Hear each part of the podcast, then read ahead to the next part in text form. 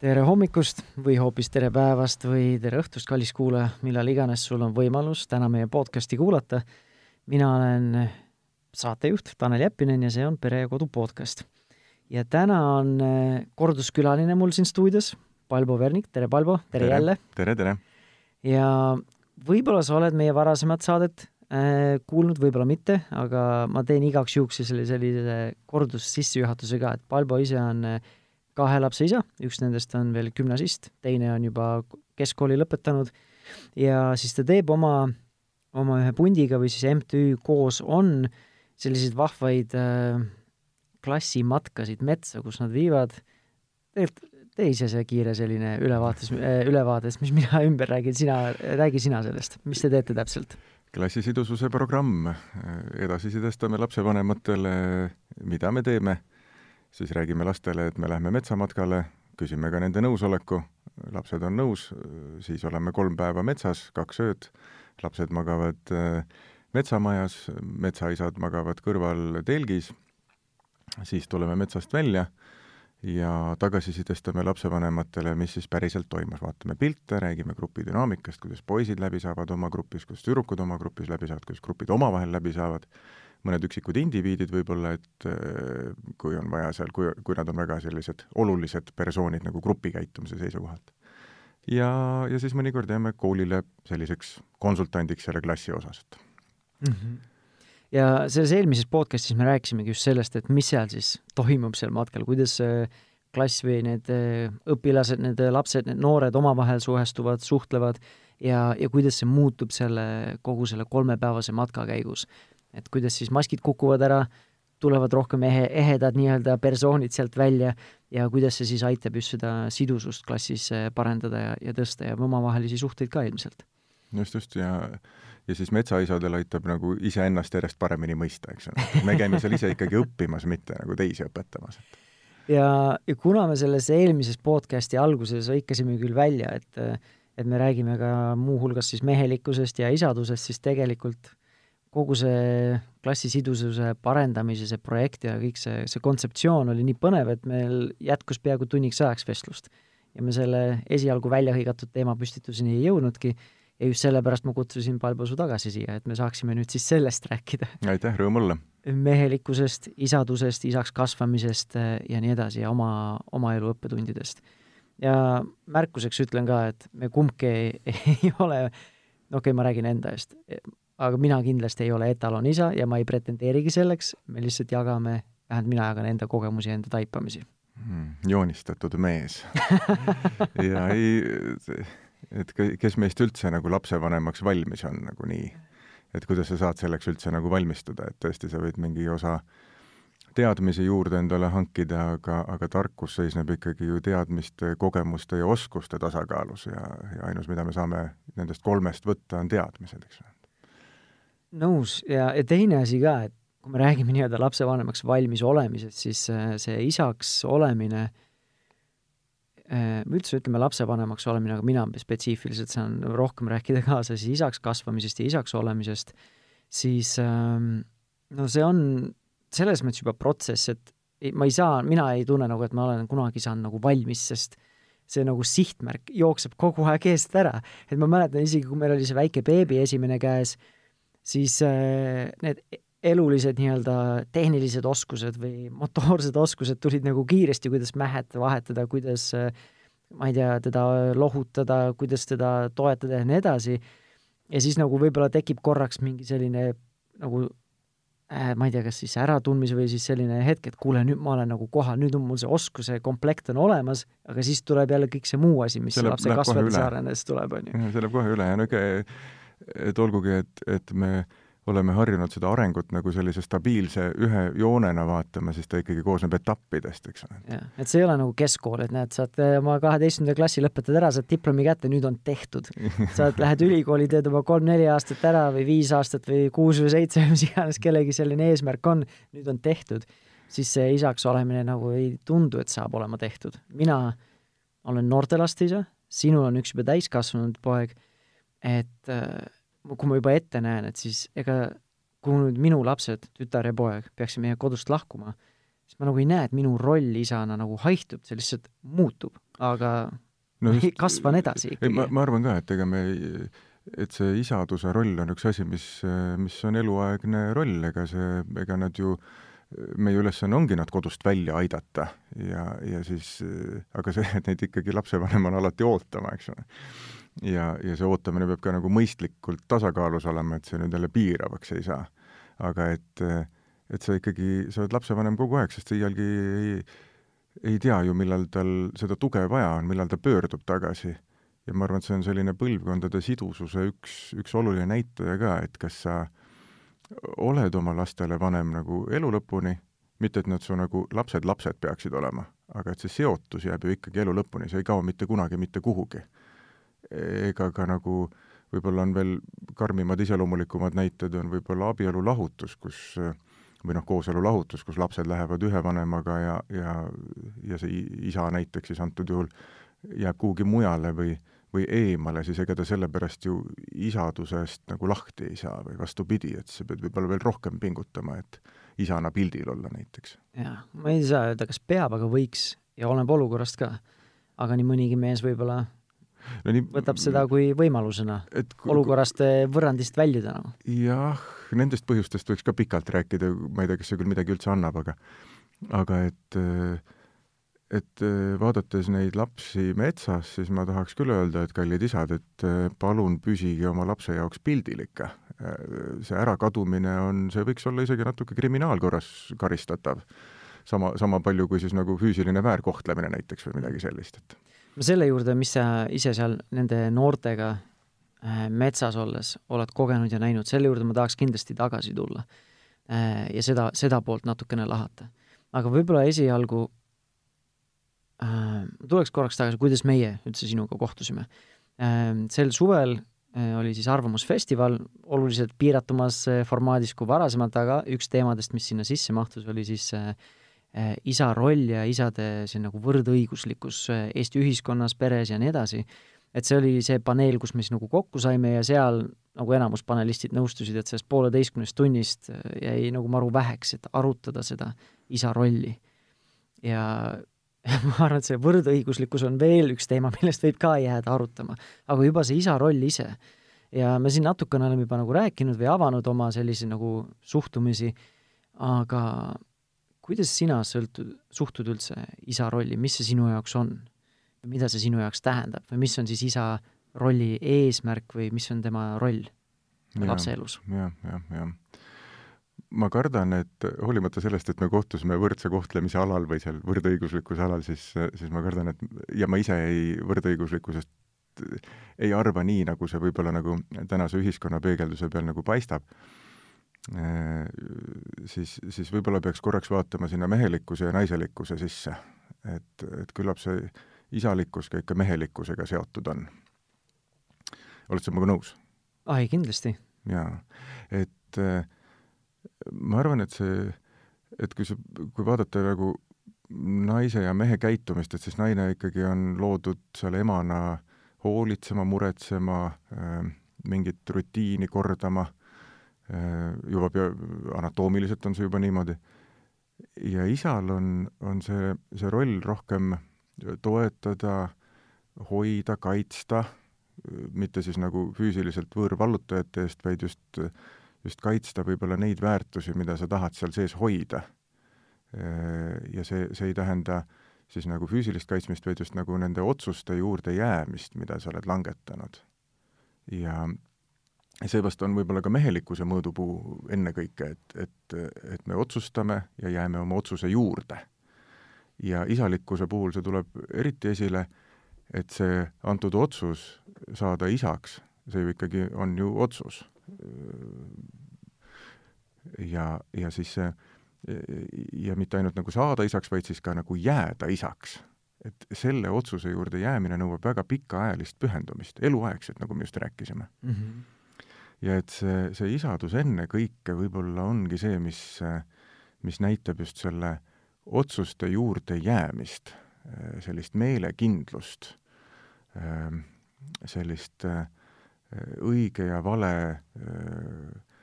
eristamist ja, ja, ja vale eest kaitsmist ja õige soodustamist ja midagi sellist. Läks vist väga mhm. filosoofiliseks või?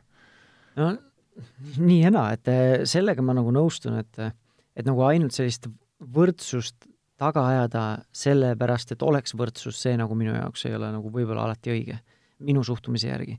ja ma olen ise väga palju aega veetnud USA kultuuriruumis, sest ma töötasin pikalt äh, Ameerika tööandjale ja kohtusin väga paljude peredega ja olin seal kultuuriruumis ja seal on nagu väga paljud sellised ameerikalikud pühad ja tähtpäevad kommertslikud ja neid nagu mingil määral nagu keeratakse võib-olla isegi natukene üle võlli tänu sellele või selle tõttu, et nad on kommertslikud.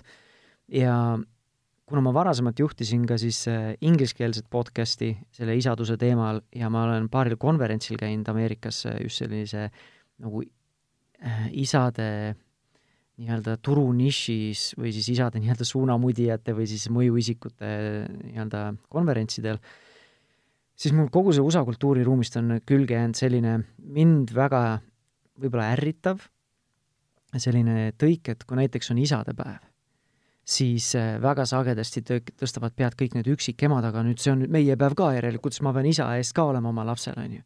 et siis ma nagu, seda ma ei taha, et emad, emade eesmärk on olla emad, nad ei pea võtma isa rolli üle ja isade eesmärk on olla isad. see ei tähenda, et ma ei või mingeid emalikke rolle, osasid üle võtta, aga ma ei ole em-, oma lapsele ema, kui ma peaksin üksikvanem olema, ma olen isa. ja see ei tähenda, et mul ei või olla teisi äh, pereliikmeid, sõpruskonna liikmeid, kes toovad võib-olla rohkem seda ema rolli sinna äh, peremudelisse. Need võivad olla tädid, võivad olla sõbrannad, võivad olla vanaemad, kes iganes aga minu arust isad peaksid jääma isadeks. aga samas nagu sellega ma ka ei taha nõustuda, et nüüd isaks olemine tähendab ainult ühte seda. et isa saad olla ainult siis, kui sa oled nendes kindlates raamides, et see on igaühe jaoks nagu erinev, et samamoodi ka nagu see mehelikkus on erinev.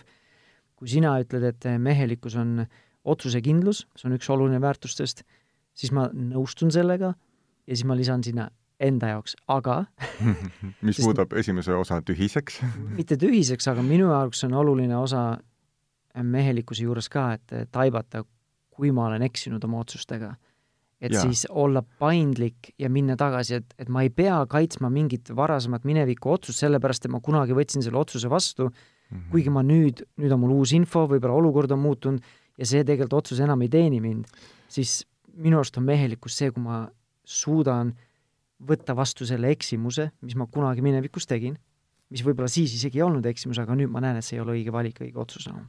jaa, see on, ma, nõustun sinuga täiesti, et nüüd on küsimus, et et kuidas selle otsuseni jõutakse või mis siis eelneb otsusele, et otsustama me hakkame läbi vastutuse.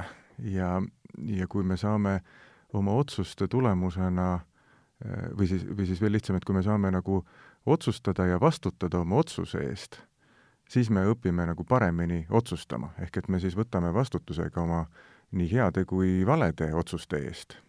see on üks asi, mida kahjuks äh, meil nagu kooliruumis ja ja niimoodi väga ei praktiseerita, et äh, see on üks koht, kus lastelt see vastutus ära võetakse. Neil ei lasta otsustada lihtsalt, vanemad teavad, mida, mida peab, mis on, mis on hea, mis on vale, mis on õige ja mis peab olema ja, ja siis äh, võetakse see otsustamise koht ära ja see võib-olla ka on üks koht, mis võtab nagu seda mehelikkust hiljem alla, et sa ei ole harjunud otsustama, sest vanemad on su eest kogu aeg ära otsustanud. sa ei tule toime valede otsuste tagajärgedega, aga see just ongi selle otsustamise see võtmekoht, et kas sa jääd ka oma otsusele mitte kindlaks selles mõttes, et sa taod nagu rauda niimoodi juhmimehelikkusega nagu lõpuni, et, et ei, mul on ikkagi õigus. või sa võtad selle vastutuse ja ütled, et jah, ma eksisin, ma tegin oma otsuse parima teadmise juures, aga näe, läks nii, me kogu aeg teeme valesid otsuseid ka ju. ei tee kogu aeg ainult õigeid.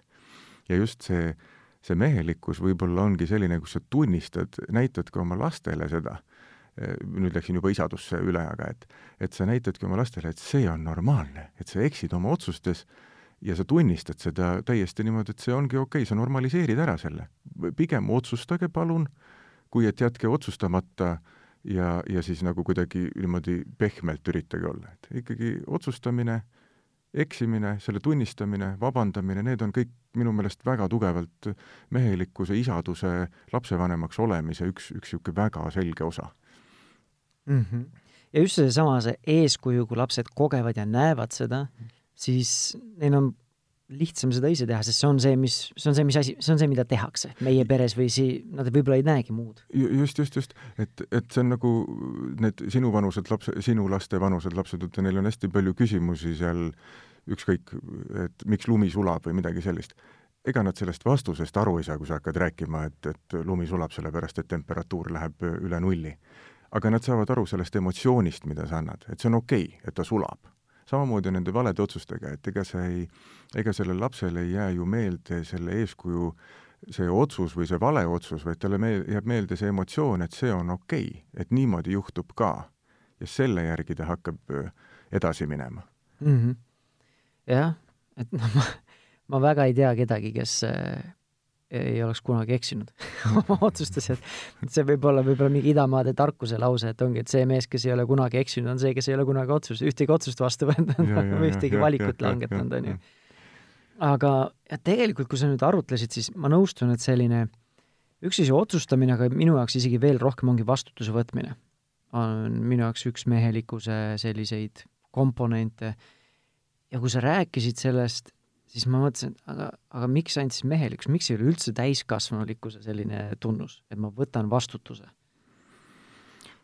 Ehm, loomulikult ongi, ega see ongi täiskasvanulikkuse tunnus, küpse isiku tunnus on see, et, et sa vastutad oma tegude eest, noh lapselik käitumine on see, et kui sa viskad akna sisse, siis jooksed minema, eks. täiskasvanuna sa lased ukse kella, ütled palun vabandust, et äh, juhtus niimoodi. mänguhoos, ükskõik kui kummaline siis see ka ei kõla, eks Äh, aga, aga praegu, kui me räägime ikkagi mehe isalikkuse kontekstis ja, ja see, eks see mehelikkus ja, ja isalikkus ikkagi avaldub ka omakorda siis ikkagi mehe ja naise suhte kontekstis.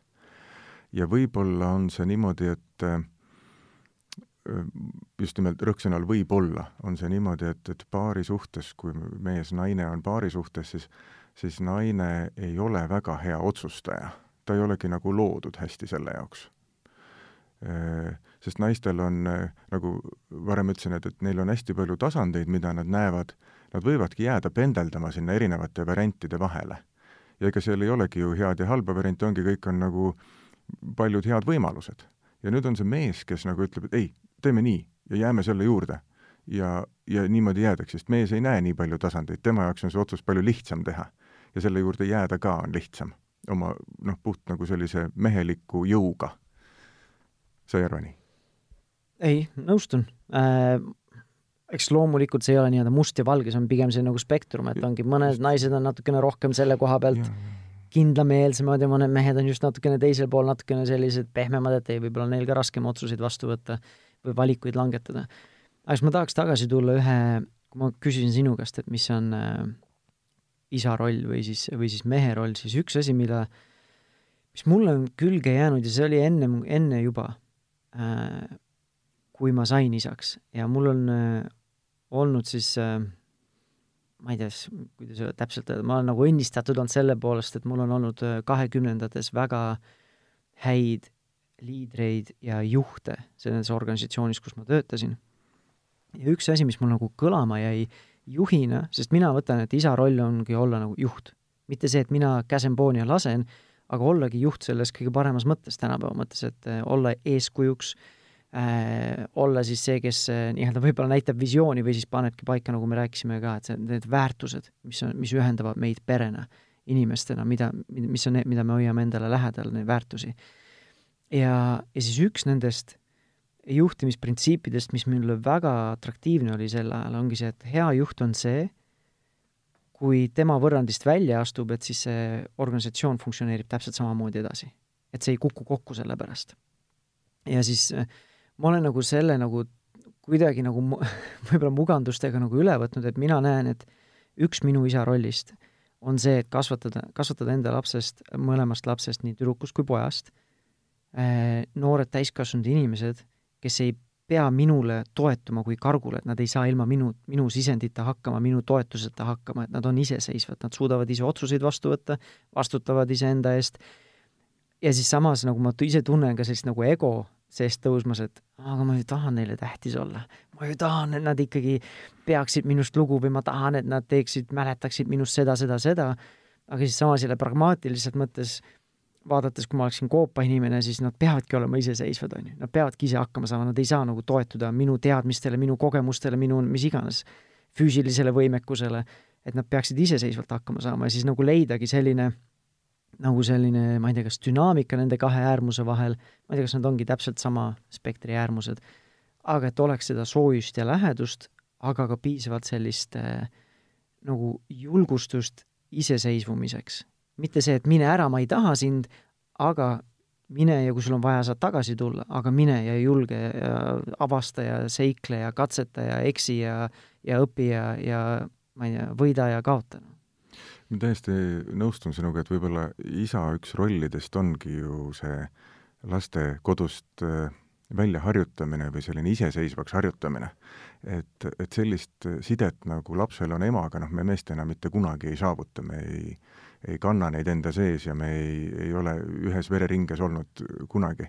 aga me saame olla hästi lähedal, mida ka sina ütlesid, et see lähedu, et sa lood selle mehelikkuse ja isalikkuse üks, üks selline asi on ju ka see, et sa lood selle turvalise ruumi, selle üliturvalise ruumi, kus see lähedus üldse saab tekkida.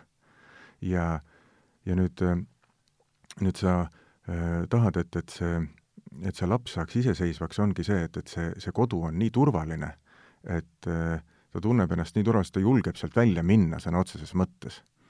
kui äh, minu vanem poeg sai üheteistaastaseks, siis me osalesime ühe organisatsiooni laagritest, CISVI laagrites, kus laps läheb neljaks nädalaks äh, välismaale, igast riigist neli inimest, neli last, üheteistaastased, ja siis neil on üks niisugune napilt kaheksateistaastaseks saanud äh, liider kaasas. ja, ja siis ma mäletan enda ja enda abikaasa sellist äh, hoiakut sellel hetkel, et mina olin natuke ka närvis, ei ole päris nii lihtne, et, et sa saad, ja seal korjati telefonid ära, seal ei olnud mingit suhtlemist selle nelja nädala jooksul. et sa saad helistada jälle sellele liidrile, aga sa ei saa nagu äh, lapsega üldse rääkida ja sellel on selge põhjus ka, et see, et sa ei tekitaks lapses igatsust. eesmärk on see, et, et laps saaks rahvusvahelise suhtlemise kogemuse äh, ja noh, neli nädalat no ta ei sure ära sinna, eks ole, noh, eelduslikult. Organisatsiooni me usaldasime ja, ja tookord äh, äh, see oli ikkagi, ma mäletan seda ärevust, mis meil peres oli, aga aga ma arvan, et seal kandev roll oli siiski minul kui isal, et, et, et see on okei okay,, see on normaalne. ja, ja natukene ka nagu hoida oma abikaasa kätt, et äh, tuleb tagasi, noh, see on neli nädalat, noh. ega endal oli ka natuke raske, jaa. aga et et just tasakaalustada seda emotsionaalsust sinna juurde, et, et see, see turvalisus ei saa olla ka nagu väga emotsionaalne mm. -hmm. no minu kogu sellise emotsionaalse ma ei tea, avanemise või sellise rännaku, enda emotsionaalse osa tundmaõppimise rännaku äh, võib-olla kõige suurem selline katalüsaator oli minu tütre sünd. sest võib-olla see oleks olnud ma arvan, et see oleks olnud teistmoodi, kui mul oleks poeg sündinud esimesena. meil on üks poeg, üks tütar, on ju. ja, ja mina ise tunnen, et ähm, et see on ka üks isaks olemise äh, ma ei tea, komponente, millest sa ka rääkisid, et oleks selline emotsionaalne turva, turvaline keskkond. ja noh, seda ma, mina tunnen, et ei saa luua sellega, kui ma olen lihtsalt selline kivi kes ei tunne kunagi emotsioone, keda lapsed ei näe kunagi emotsioone tundmas, kui üldse, siis ainult see, kui ma olen vihane ja kärgin ja rivistan kõiki ja nii edasi, on ju. et siis see, see ei saavuta seda. ja see on see, mis on selline, ma ei tea, stereotüüpiline isa, mida oled näinud kuskil, ma ei tea, vanades filmides ja, ja nii edasi, on ju. et ei, ei tunne, ei ole kunagi näinud isa kurvastamas, ei ole isa näinud kunagi võib-olla endast väljas või stressis või pettununa või mis iganes et siis äh, minu jaoks on see nagu oluline selline põlvkondade selline nagu mustrite muutmine ja ise mingil määral nagu jalgratta leiutamine, kuidas ma olen siis selline, kes on nii-öelda sellises stereotüüpilises mõttes mehelik, aga samas ka nii-öelda selline emotsionaalne ja siis emotsionaalsed, sellesse turvalisse emotsionaalsesse keskkonda panustav selles peres. ja siin me kaldume nüüd vist sinna, et, et eks meil on ju viimased äh, kolm põlvkonda, neli põlvkonda Eestis on ikkagi näinud äh, sõda või sõjajärgset aega või? No ega ja. enne seda ka, kui vaatad Tammsaare seda asja, siis on lihtsalt see põllutöö ja raske, kui sa rasket tööd ei tee ja kui sa, ma ei tea, oma emotsioone alla ei suru ja põllu peale ei lähe, siis jääb pere, pere nagu nälga, on ju. ma ei, ma arvan, jaa, seal üks osa on küll, et meie need varasemad äh, stereotüübid on kasvanud sellest, kus põhiküsimus on ellujäämine, eks ole. ükskõik, kas ta siis on sõja või mõisniku või, või näljahäda pärast, eks. et tänane mm, noh, Eesti ei ole ju kunagi olnud äh, või vähemalt nagu meie teadlikkus minevikus pole ta olnud üle kolmekümne aasta riik äh, kunagi nii väga, eks ole, et on kogu aeg olnud ühe või teise poolt rõhutud ja siis iga mõnekümne või viiekümne aasta pära-, tagant on teda jälle maha põletatud ja siis me oleme jälle uuesti üles ehitanud ja see, see on toonudki esile selle mehelikkuse, selle sellise noh, jõuvajaduse, noh, seal ongi vaja jõudu, et vastu seista vaenlasele, et, et et üles ehitada see, see maja, see riik, see asi, eestlastel on alles praegu tekkinud nagu selliseid võimalusi, kus sa võid mõne korteri välja rentida, sest perel on neid rohkem, kui nagu elamiseks on vaja või midagi sellist või nagu see kodu ei ole enam pangalaenuga ja see, see, see muutubki, see muutub iseenesest, et et see mehelikkus võtabki teistsuguse mõõtme, et see jõud ei ole enam esmane valik mis, mis on nagu meestele kuidagi noh, kuna naised on targemad, siis nende esimene valik on mõtlemine, meestel on jõud ja, ja esimene valik on nagu jõud. sest me instruktsiooni loeme ka ju kõige viimasena alles ju. kõigepealt mm -hmm. paneme selle aiagrilli kokku ikkagi oma teadmistega ma isegi tahaks korraks vahele segada, minu arust mina ise tunnen vähemalt enda suhtes, et mina olen see, kes mõtleb ja naine on see, kes tunneb rohkem. et ma nagu ikkagi mõtlen ikka vahepeal mõtlen isegi liiga palju nagu. et see on ja. minu arust selline äh, nagu mentaalne tegevus, aga tahtsin, mitte selline emotsionaalne nagu. ma tahtsin just sinna jõuda, et, et ja nüüd täna on meil alles esimest korda Eestis võib-olla selline aeg, kus meil on äh, isaks saanud ka need inimesed, kes ei ole üldse nii-öelda sõjajärgse põlvkonna kasvatada või siis nagu sõ-, sõda näinud põlvkonna kasvatada. ja see loob mingisuguse hoopis teise normide ruumi. kultuurisidemed on hoopis teistsugused, kust me tuleme. Inimesed kasvavad kultuurisidemetes ja ja see määrab ära suure osa meie käitumisest. ja, ja kui me ei ole, või siis tei-, võtame positiivistlikult, et kui me oleme ikkagi üles kasvanud turvalises tsoonis, olgugi et seal üheksakümnendatel käis see jõnks läbi, mida me siin praegu Balti ketti meenutame ja et aga ikkagi see kõik oli rahumeelne, ühiskonda ei, ei, ei lõhutud tükkideks, maad ei põletatud maha, et see kõik on toimunud rahumeelseks, siis täna ongi meie ka just meeste, kui, kui nii võib öelda, siis meeste ühiskonna selline emotsionaalne teadlikkus kasvab ka meeletul määral. ja, ja on täitsa okei okay,, et mehed ka oma tundeid näitavad, eks ole. Ja, ja see on üks asi, mida me praegu kohe ka enda lastele edasi anname, et ongi täitsa okei okay,, kui see mees nutab, eks ole.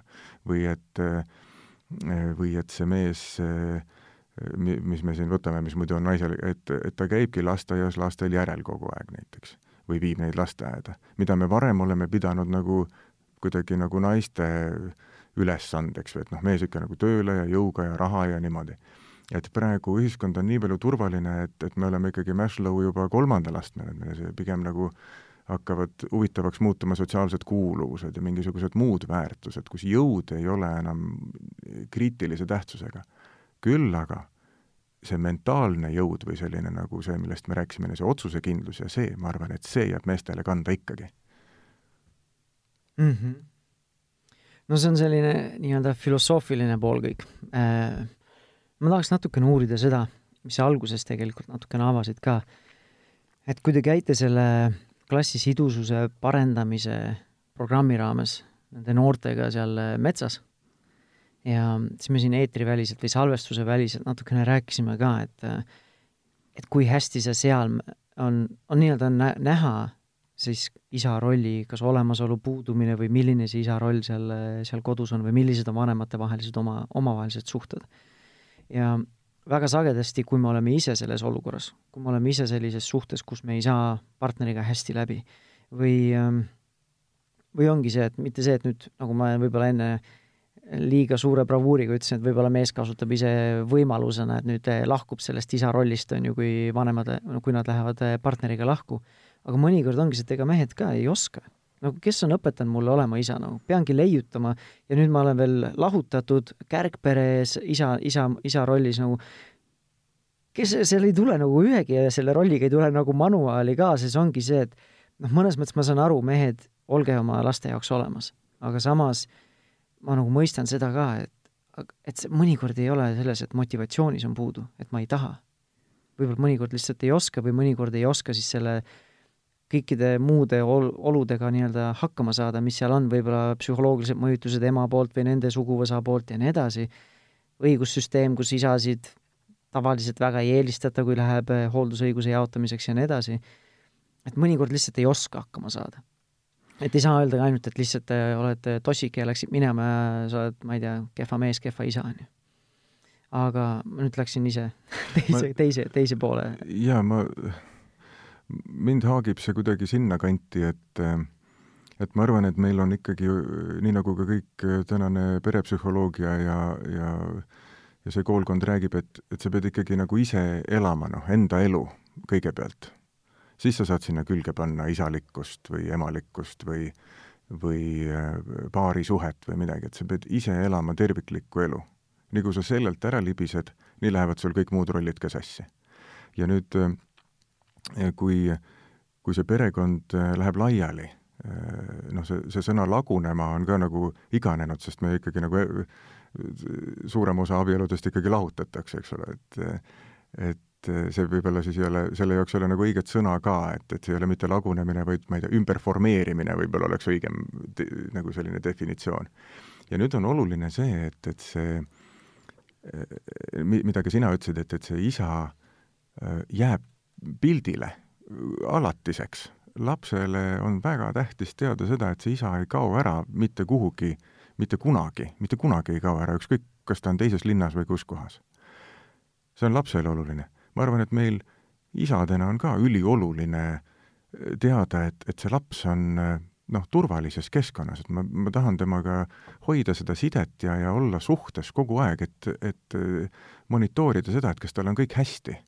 Ma ei mõtle siin seda kontrollivat helikopterlikku lapsevanemat, et ma kogu aeg tiirlen seal kohal ja vaatan, kas mu eksnaise tulevane mees on nagu tasemel või mitte, vaid, vaid just seda, et, et sa keskendud oma lapsele, oma lapse suhtele ja jumala pärast, ja hoiad korras oma eksabikaasaga suhted, eks ole. see ülikriitiline, jälle seesama, mis me rääkisime, et et millist, mida sa normaliseerid oma eeskujuga et, et kas sa normaliseerid, et see on okei okay,, et minnakse lahku, sest see vist praegu niimoodi käib, see tendents sinna on, midagi teha, anna andeks, sul elu ees veel isana, eks ole, loodan, et sa ei lähe lahku, kindlasti ei lähegi, aga kui see olukord olukord ikkagi juhtub peredes, siis, siis tuleb säilitada kaine mõistus ja suhelda oma lastega normaalselt. ja see eeldab seda, et sa elad enda elu ja hoiad korras suhte oma selle endise partneriga me näeme metsas neid lapsi, noh, ei ole vaja luupi ega, ega pikksilma ega, ega suurendusklaasi selle jaoks, et näha, et milline laps on katkisest perest milline laps on tervest perest ja katkine pere ei ole sugugi mitte lahutatud pere, vaid see, kus need vanemad ei suuda omavahel normaalselt suhelda. teeme selle korra väikse põi-, väli, väi-, kõrvalpõike, siis tuleme selle juurde tagasi, mis seal näha on. et ma nagu keegi, tegelikult keegi meist ei näe tulevikku ju. me ei tea, ma olen oma naisega, tunnen, et me oleme väga heas suhtes, võib-olla need asjad on kümne aasta pärast muutunud, me ei tea. ma tahaks, ma ei taha, ma ei saa garanteerida või lubada kellelegi midagi, on ju. aga me saame ise teha jooksvalt tänases päevas neid valikuid, mis tõstavad seda tõenäosust, et me ei lähe lahku, on ju. aga üks asi, mis ma tahtsin selle juures rääkida, on see, et noh, mina ise tulen lahutatud perest minu vanemad lahutasid, kui mina ja minu kaksikvend olime koolieelikud, mingi nelja, neljased, äkki viiesed. ja äh, üks nii-öelda, ma ei tea, ta ei ole nagu ärikuru, aga üks, üks meesterahvas, keda ma jälgin siis sotsiaalmeedias äh,, ta on selline väga otsekohese ütlemisega ja, ja tema on ise lahutatud ja ta on väga avalikult rääkinud, kui kibestunud ta oli paar, päris mitu aastat. ja kui ta siis lõpuks, nagu tema ise ütleb ka, et nagu kasvas nagu üles ja oli sellest kibestumusest üle, et ongi see, et et millist eeskuju ma näitan oma pojale, oma tütrele äh,, suhetest, iseendast ja nii edasi, ja ütleski, kuidas paar aastat tagasi ta nagu võttis iseennast rohkem käsile. ja nüüd ongi neil nii-öelda kärgpere, mis selles mõttes nagu toimib, et austab oma part-, endise partneri uut meest äh,, oma partnerit, mis siis et neil on olnud erimeelsusi, aga see on, austus on olemas seal. ja nad käivad koos, teevad mingeid üritusi ja nii edasi, ja kui ma neid lugusid loen, siis minu jaoks see on palju mehelikum, eh, meheli-, suurem nii-öelda mehelikkuse nii-öelda demonstratsioon kui see, et eh, ma ei tea, viskan näppu ja sõiman ja kirun oma ekspartneri uut meest. või siis manipuleerid veel lastega takkaotsa, eks ole. et see on nagu minu arust selline ma ei tea, nagu suslik, noh, see õõnestab ja, ja skeemitab selle asemel, et võtta vastutus ka mineviku eksimuste eest ja võtta vastutus tuleviku eest. see on see, kuidas läheb no.. millest me alguses just rääkisime, eks ole, otsustamine ja vastutuse võtmine, et, et see ja see vastu-, vastutuse võtmine üldse selline, ma olen oma paari lähedasega sel suvel, möödunud suvel nüüd äh, natukene nagu filosofeerinud või nagu rääkinud ka, mis tähendab vastutuse võtmine. Kas vastutuse võtmine tähendab see, et ma tunnistan oma süüd mingis olukorras või on seal veel mingeid komponente?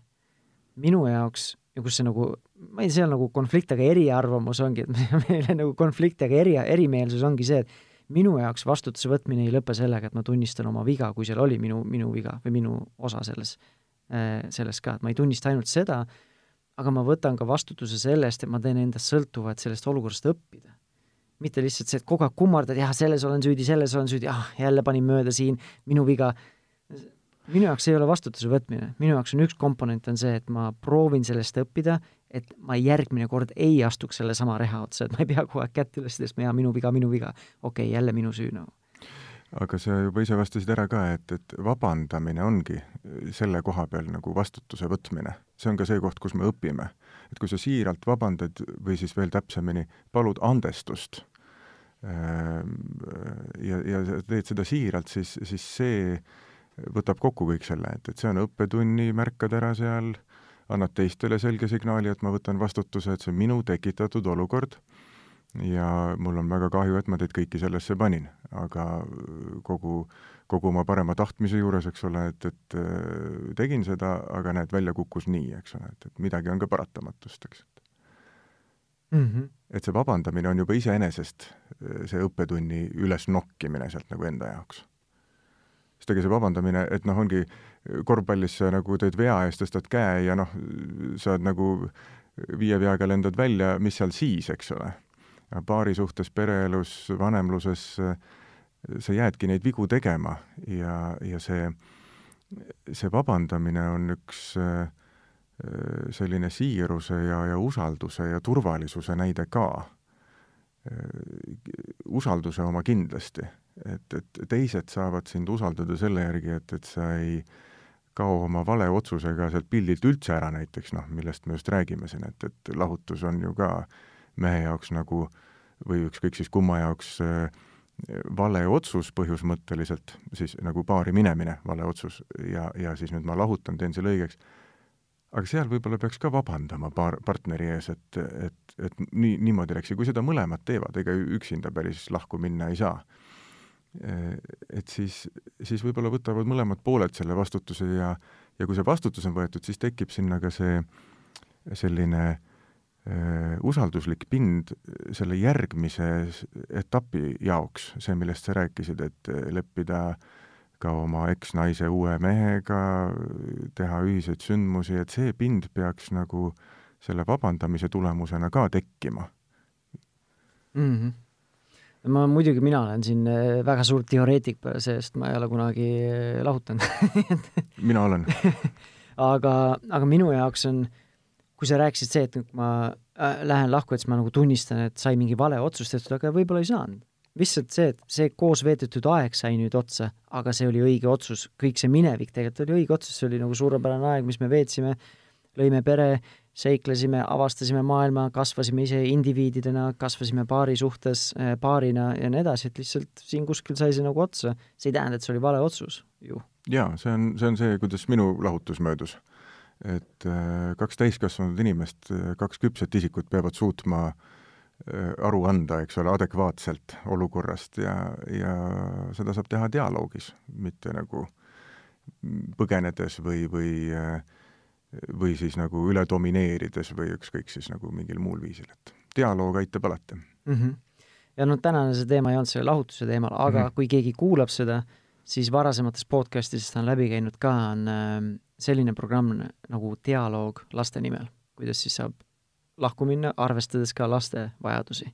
mitte siis ainult võib-olla oma emotsioone ja kibestumust, mis iganes mm, -hmm. need emotsioonid võivad selles dünaamikas esile aga see, täidab ikkagi meid endid kõige lõpuks, see dialoog. laste pärast küll, aga su enda elu jääb ka terveks tänu sellele mm. -hmm.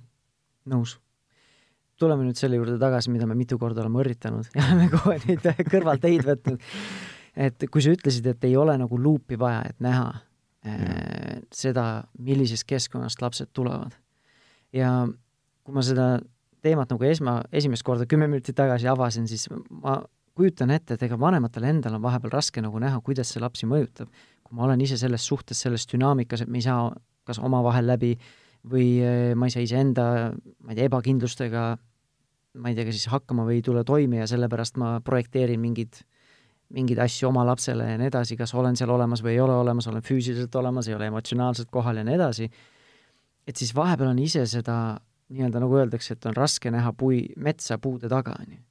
et siis kõrvaltisikuna sa ütlesid, et ei ole vaja tegelikult seda luupi, et mis on need märgid siis, mida sa näed, mida võib-olla vanemad ise ei märkagi mm. -hmm võib-olla iseloomustav näide on see, et kui te räägite lasteaiaõpetajatega, siis äh, see on uskumatu, kui palju nad teie pereelust teavad. muidugi lapsed mõtlevad nagu mõned asjad välja ka, aga, aga üldjuhul siiski kasvatajad seal või siis tänase nimetusega õpetajad lasteaias teavad üsna palju sellest, mis teil kodus toimub. sest need lapsed on veel väiksemad ja, ja kui on oskuslikud õpetajad, siis nad näevad väga selgelt need laste ärevused ja see ei pea isegi ainult sõnaline olema, et nad ei too mitte sinna lasteaeda sõnaliselt seda, vaid nad toovad neid emotsioone sinna. meil nüüd samamoodi, et, et kui inimene kasvab turvalises kodus, siis uued olukorrad on ärevust tekitavad, aga mitte paanikat. Kui su kodu ei ole turvaline ja sa lähed äh, uude keskkonda, näiteks sellele samale metsamatkale, kus meil noh, niisugune igasugune mugavusrutiin on kadunud, WC või mis WC, see peldik on seal aida taga või noh, aida kõrval, välikäimla, ja, ja ahiküttega maja ja elektrit ei ole ja et siis, kui sul kodus ei ole turvaline, siis seal ammugi ei ole.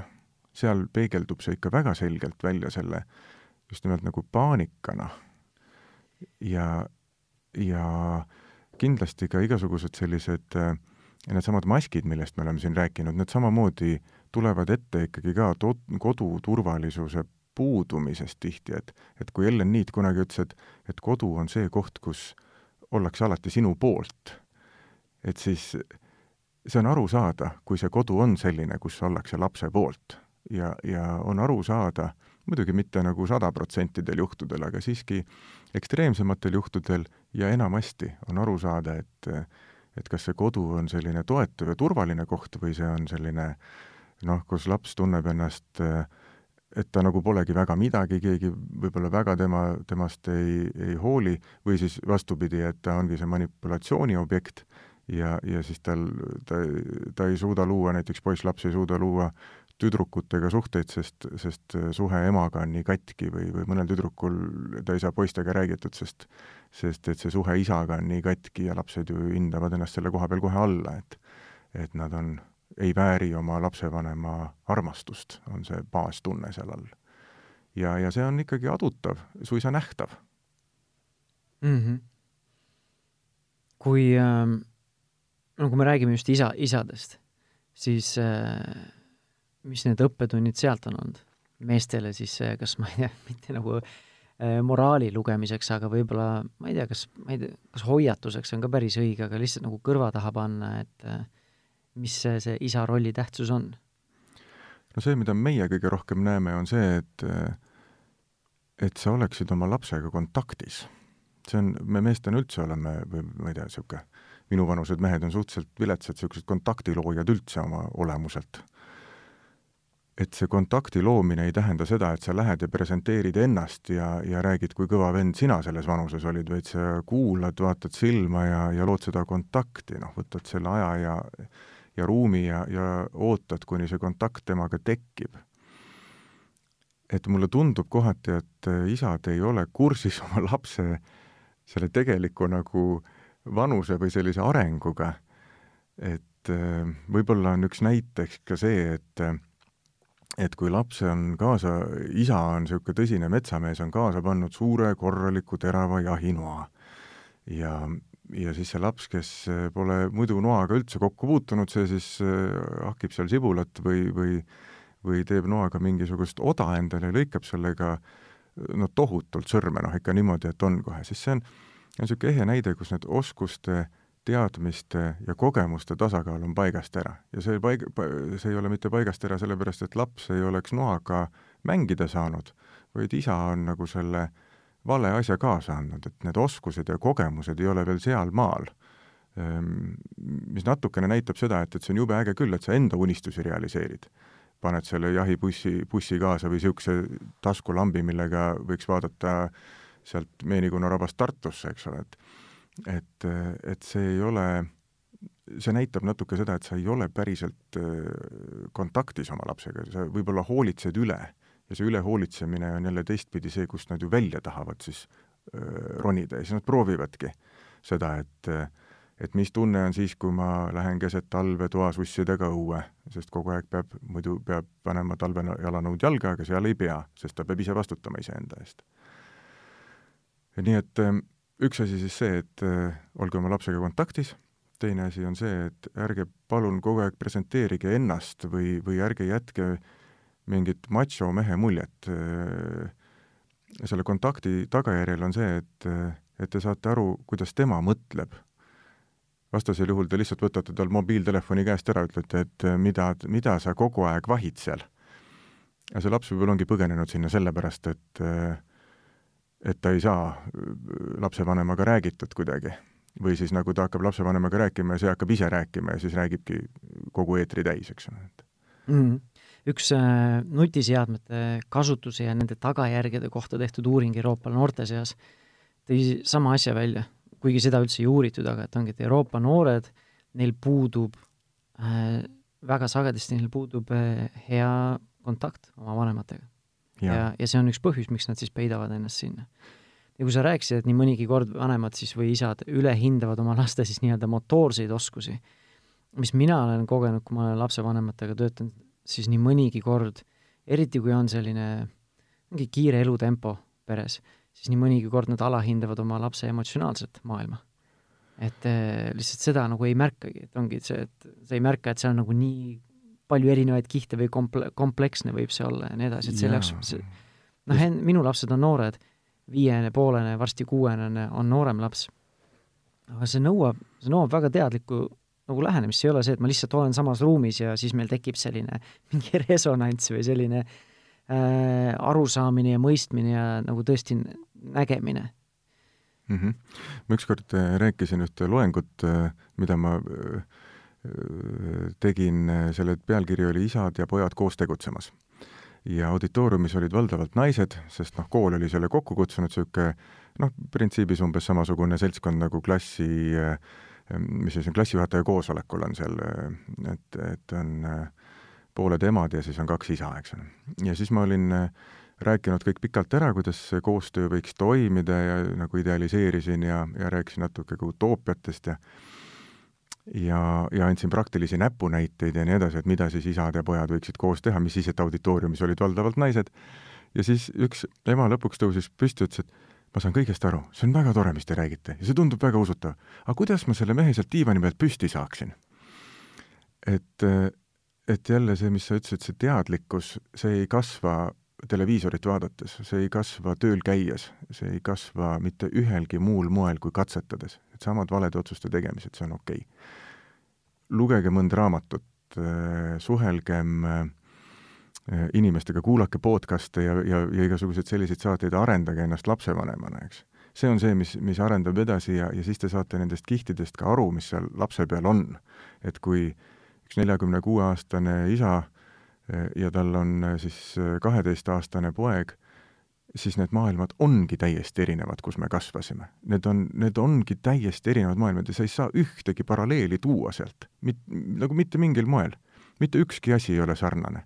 isegi viimane kümnendik pole või, või viimane kümnend pole nagu meie riigis sarnane üle-eelmisele kümnendile, eks. et, see, see kaugenemine tuleb, tuleb just sellest, et, et see teadlikkus on madal ja enda eluga on liiga palju tegemist. Ma mõistan, et enda eluga ongi palju tegemist jaa, aga lapsevanemaks olene-, olemise üks oluline komponent on pidev arenemine. sest, sest laps areneb, sa ei saa jääda sinna, seda me rääkisime ka. ja see on etapiline, etapiline, areng on alati etapiline. ja mm., ja tuleb arvestada, et, et et see, see vanus, millest mina siis räägin, just see üksteist, kaksteist, kolmteist, et seal on väga suured murrangud inimese sees. ja kui sa ei ole kasvanud selles keskkonnas, kus sinu laps kasvab parasjagu, siis sul ei ole muud võimalust, kui ainult äh, pühendada oma aeg sellele, et äh, kuulata, mida ta räägib. kuulake, mida ta oma arvutimängude kohta räägib, mida ta, mis, milles see mäng seisneb. hinnake teda selle eest, et ta on saanud äh, head skoorid seal mm.. ega ta sealt muidu välja ei tule ju. jah, ja ma üks asi, üks asi, mis ma olen nagu märganud ka, et see ongi, ma nõustun sellega, et sa pead iseenda nagu enda kord, ennem korda saama, sest kui sa ise oled nagu stressipundar, siis sul puudub see ressurss seni tegeled iseendaga, jah? või noh, nagu enda probleemiga. ja no see ei tähenda, et ma pean ainult endaga tegelema, enne ma üldse ei saa lapse juurde minema, minna, temaga nii-öelda kontakti luua, aga mingi selline baastase võiks enda stressi maandamisega või reguleerimisega olla, et mul La on mingeid ressursse. lapsed võtavad selle stressi ka üle väga kergesti ju, see, see võngub sinna kohe edasi. ja siis teine asi, mis ma olen märganud, ongi see, et kui seda ei ole varem teinud, siis see ongi ikka paganama ebamugav. Nagu olla ehe ja rääkida oma lapsega ja nii edasi, ma kujutan ette, et sa võidki olla ja oledki mingi nelja, nelikümmend pluss seal, laps on sul kümme pluss või midagi ja siis istute seal kõrvuti ja ja sa oled tagasi nagu seal mingi ise viienda klassi klassiõhtul, kus sa tahaksid nagu selle tüdruku välja kutsuda, aga õhtu otsa marineerid ja ei julge nagu, ei julge seda suud lahti teha, sest siin on samamoodi, et aga mis ma nüüd ütlen, äkki ma ütlen midagi valesti, äkki ta siis kohe ajab mu eemale, äkki ta sulgub iseendasse ja nii edasi. ja need protsessid on seal peas võrdlemisi nagu sarnased, on ju aga siis ma ei oskagi midagi muud soovitada, kui lihtsalt minna selle ebamugavusega kaasa või minna sellest läbi. ja see, mis sa ütlesid, et üks hea näide ongi, et või üks hea viis seda teha, lihtsalt kuulata, mis seal lapse maailmas no, toimub. aktiivne suhtlemine on kuulamine, eks ole. Teine asi, mis mina tunnen, et isadega, kui ma olen isadega oma programmis, vanemusprogrammis ka isadega suhelnud, siis äh, väga hästi on isadega töötanud see, et lihtsalt koos millegi tegemine. et lihtsalt teha koos midagi ja eelistatult teha midagi, mis on lapsele meelepärane tegevus. olgu see siis kas või selle arvutimängu mängimine, kus siis läheb kohe see hierarhia nagu mööda, et teistpidi, sest ongi laps on mingi hull boss ja ise oled niisugune kollanokk, et ei saa ööd ega mütsi aru sellest mängust nagu. Aga ja see võib juba selle ukse lahti see, teha. see nagu. allhoovuses on üks oluline asi, on see, see siirus. see, et sa näitadki, et ma ei tea, ma ei tea sellest arvutimängust midagi, võib-olla ma olen isa, kes ongi väga tubli itimees aga pesakasti ma teha ei oska või lõket või midagi, aga et lähme koos metsa ja sul on tütar ka veel, eks ole, kes nagu mingite soorollide järgi võib-olla ei peagi oskama tuld teha, eks ole, või, või vähemalt ei ole nagu niisugune, et see ei ole tema esimene valik võib-olla, eks aga et, et, et sa ikkagi otsid taga kogu aeg seda sellist kontakti, mis viiks teid mingisugustele tegevustele ja sa ei salga seda, et mina ka ei oska, aga lähme õpime. äkki sa tead, kuule näita, sa vaata internetist järgi how to make fire ja siis lähme koos, on ju. ja see koosõppimine on teine äge asi. aga lihtsalt ma olen tundnud, kui see plokk on nii suur, siis see lapse tegevuse, meelistegevuse tegemine on võib-olla lihtsam samm. aga selle juurde, et et tütred võib-olla ei peaks lõket tegema, et see, ma arvan, et see on nagu kuskilt ühiskonnast õpitud muster, et äh, mis on tüdrukute tegevus, mis on poiste tegevused. sest mul on viiepoolene ja kolme, varsti kolmepoolene.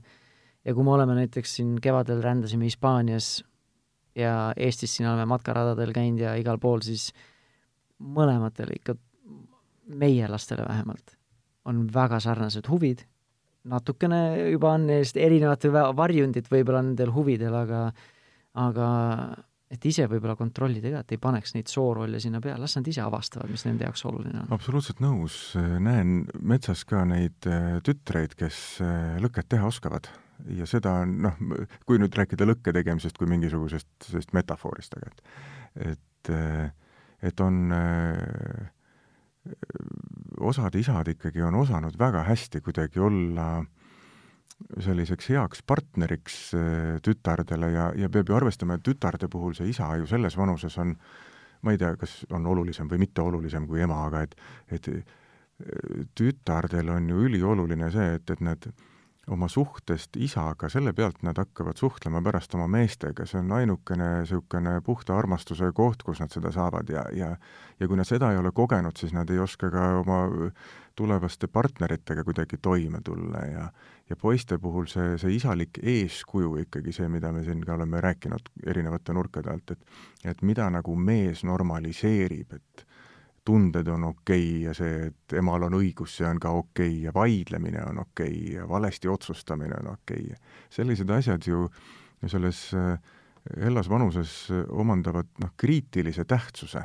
kui sealt see asi ei saa õigesti selgeks või ei saa üldse selgeks, siis seda, sellist õppimise etappi ei tule kunagi enam inimese arenguetappide häda ongi ju see, et, et kui see etapp läheb mööda ja sa seda õppetundi seal ära ei, ei saa, siis ega sa järgmises etapis nagu ei saa seda korrata enam. et no sa saad neid asju õppida, aga siis väga paljudel kordadel võib-olla näiteks terapeudi abiga või mõne muu professionaali abiga, kui sul on väga tugev selline enesesse vaatamise oskus ja enese analüüsimise oskus, siis võib-olla saad ise ka teha, aga see võtab oluliselt rohkem ressursse. no ja kõigepealt kulutad äh, võib-olla mitukümmend aastat nagu väärelu peale ja siis alles enne kui see taipamine tuleb. jah, ja siis lahti arutame neid seal kuskil nagu neljakümnendates, eks, meestel just ja,. jah, jah. Palbo, meil on siin äh, sinuga kokkuvõttes äh, kahe saate peale juba kaks äh, tundi varsti läbi räägitud, et tundub, et rääkimine ei ole probleem meie jaoks, et me teeme tegusid ka vahepeal. ja, ja aga eks need teemad on olulised, tundub, et nii kummagi meie elus kui ka paistab, et Eesti ühiskonnas, et ma loodan, et et see kuulamine on aidanud ka kuulajal siis äh, mingite, kuulajad ka mingite taipamisteni ja mõistmisteni ja võib-olla siis äh, kas või selliste koduste dialoogide alustuseks. no dialoog on jah, niisugune, ma veel tooks sellise näite siia, et dialoog saab olla nagu kuu ja päike, kus üks särab ja teine peegeldab. võib olla kuu ja kuu, kus mõlemad ainult peegeldavad. aa, mõtlesin, et kuu ja päike, et siis kui üks läheb, siis teine tuleb kokku ei, kokku ei nagu satu kunagi nagu, et ei, ei, ja kõige parem dialoog on ikkagi päike ja päike, säravad mõlemad äh, ja, ja on sellised soojuse andjad nagu teineteisele mm. -hmm. aga suur-suur aitäh, et sulle, et sa tulid oma mõtteid ja, ja taipamisi jagama. suur aitäh!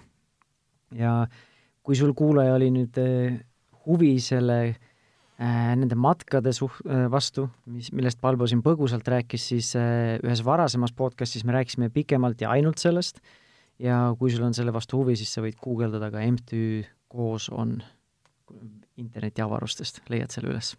aga aitäh sulle veel kord, Palbo, ja aitäh sulle ka, kallis kuulaja, ma loodan, et see saatele, see podcasti teemaarendus läks sulle korda. Ja kui läks, siis kindlasti jaga seda ka oma tuttavate ja oma sõpradega ja vaata ka meie varasemaid podcast'e või kuula neid, neid on kokku juba ligi sada ja leiad sa need kas oma äh, podcast'i nutirakendusest, telefonist või siis äh, Delfi või Pere ja Kodu veebiväljaandest või siis Spotify'st. ja kui sa oled juba suur podcast'i kuulaja, siis viska kõrv või silm peale ka minu sooloprojektile Rahumeelse vanemluse podcast. aga aitäh veel kord ja järgmise korrani, tšau!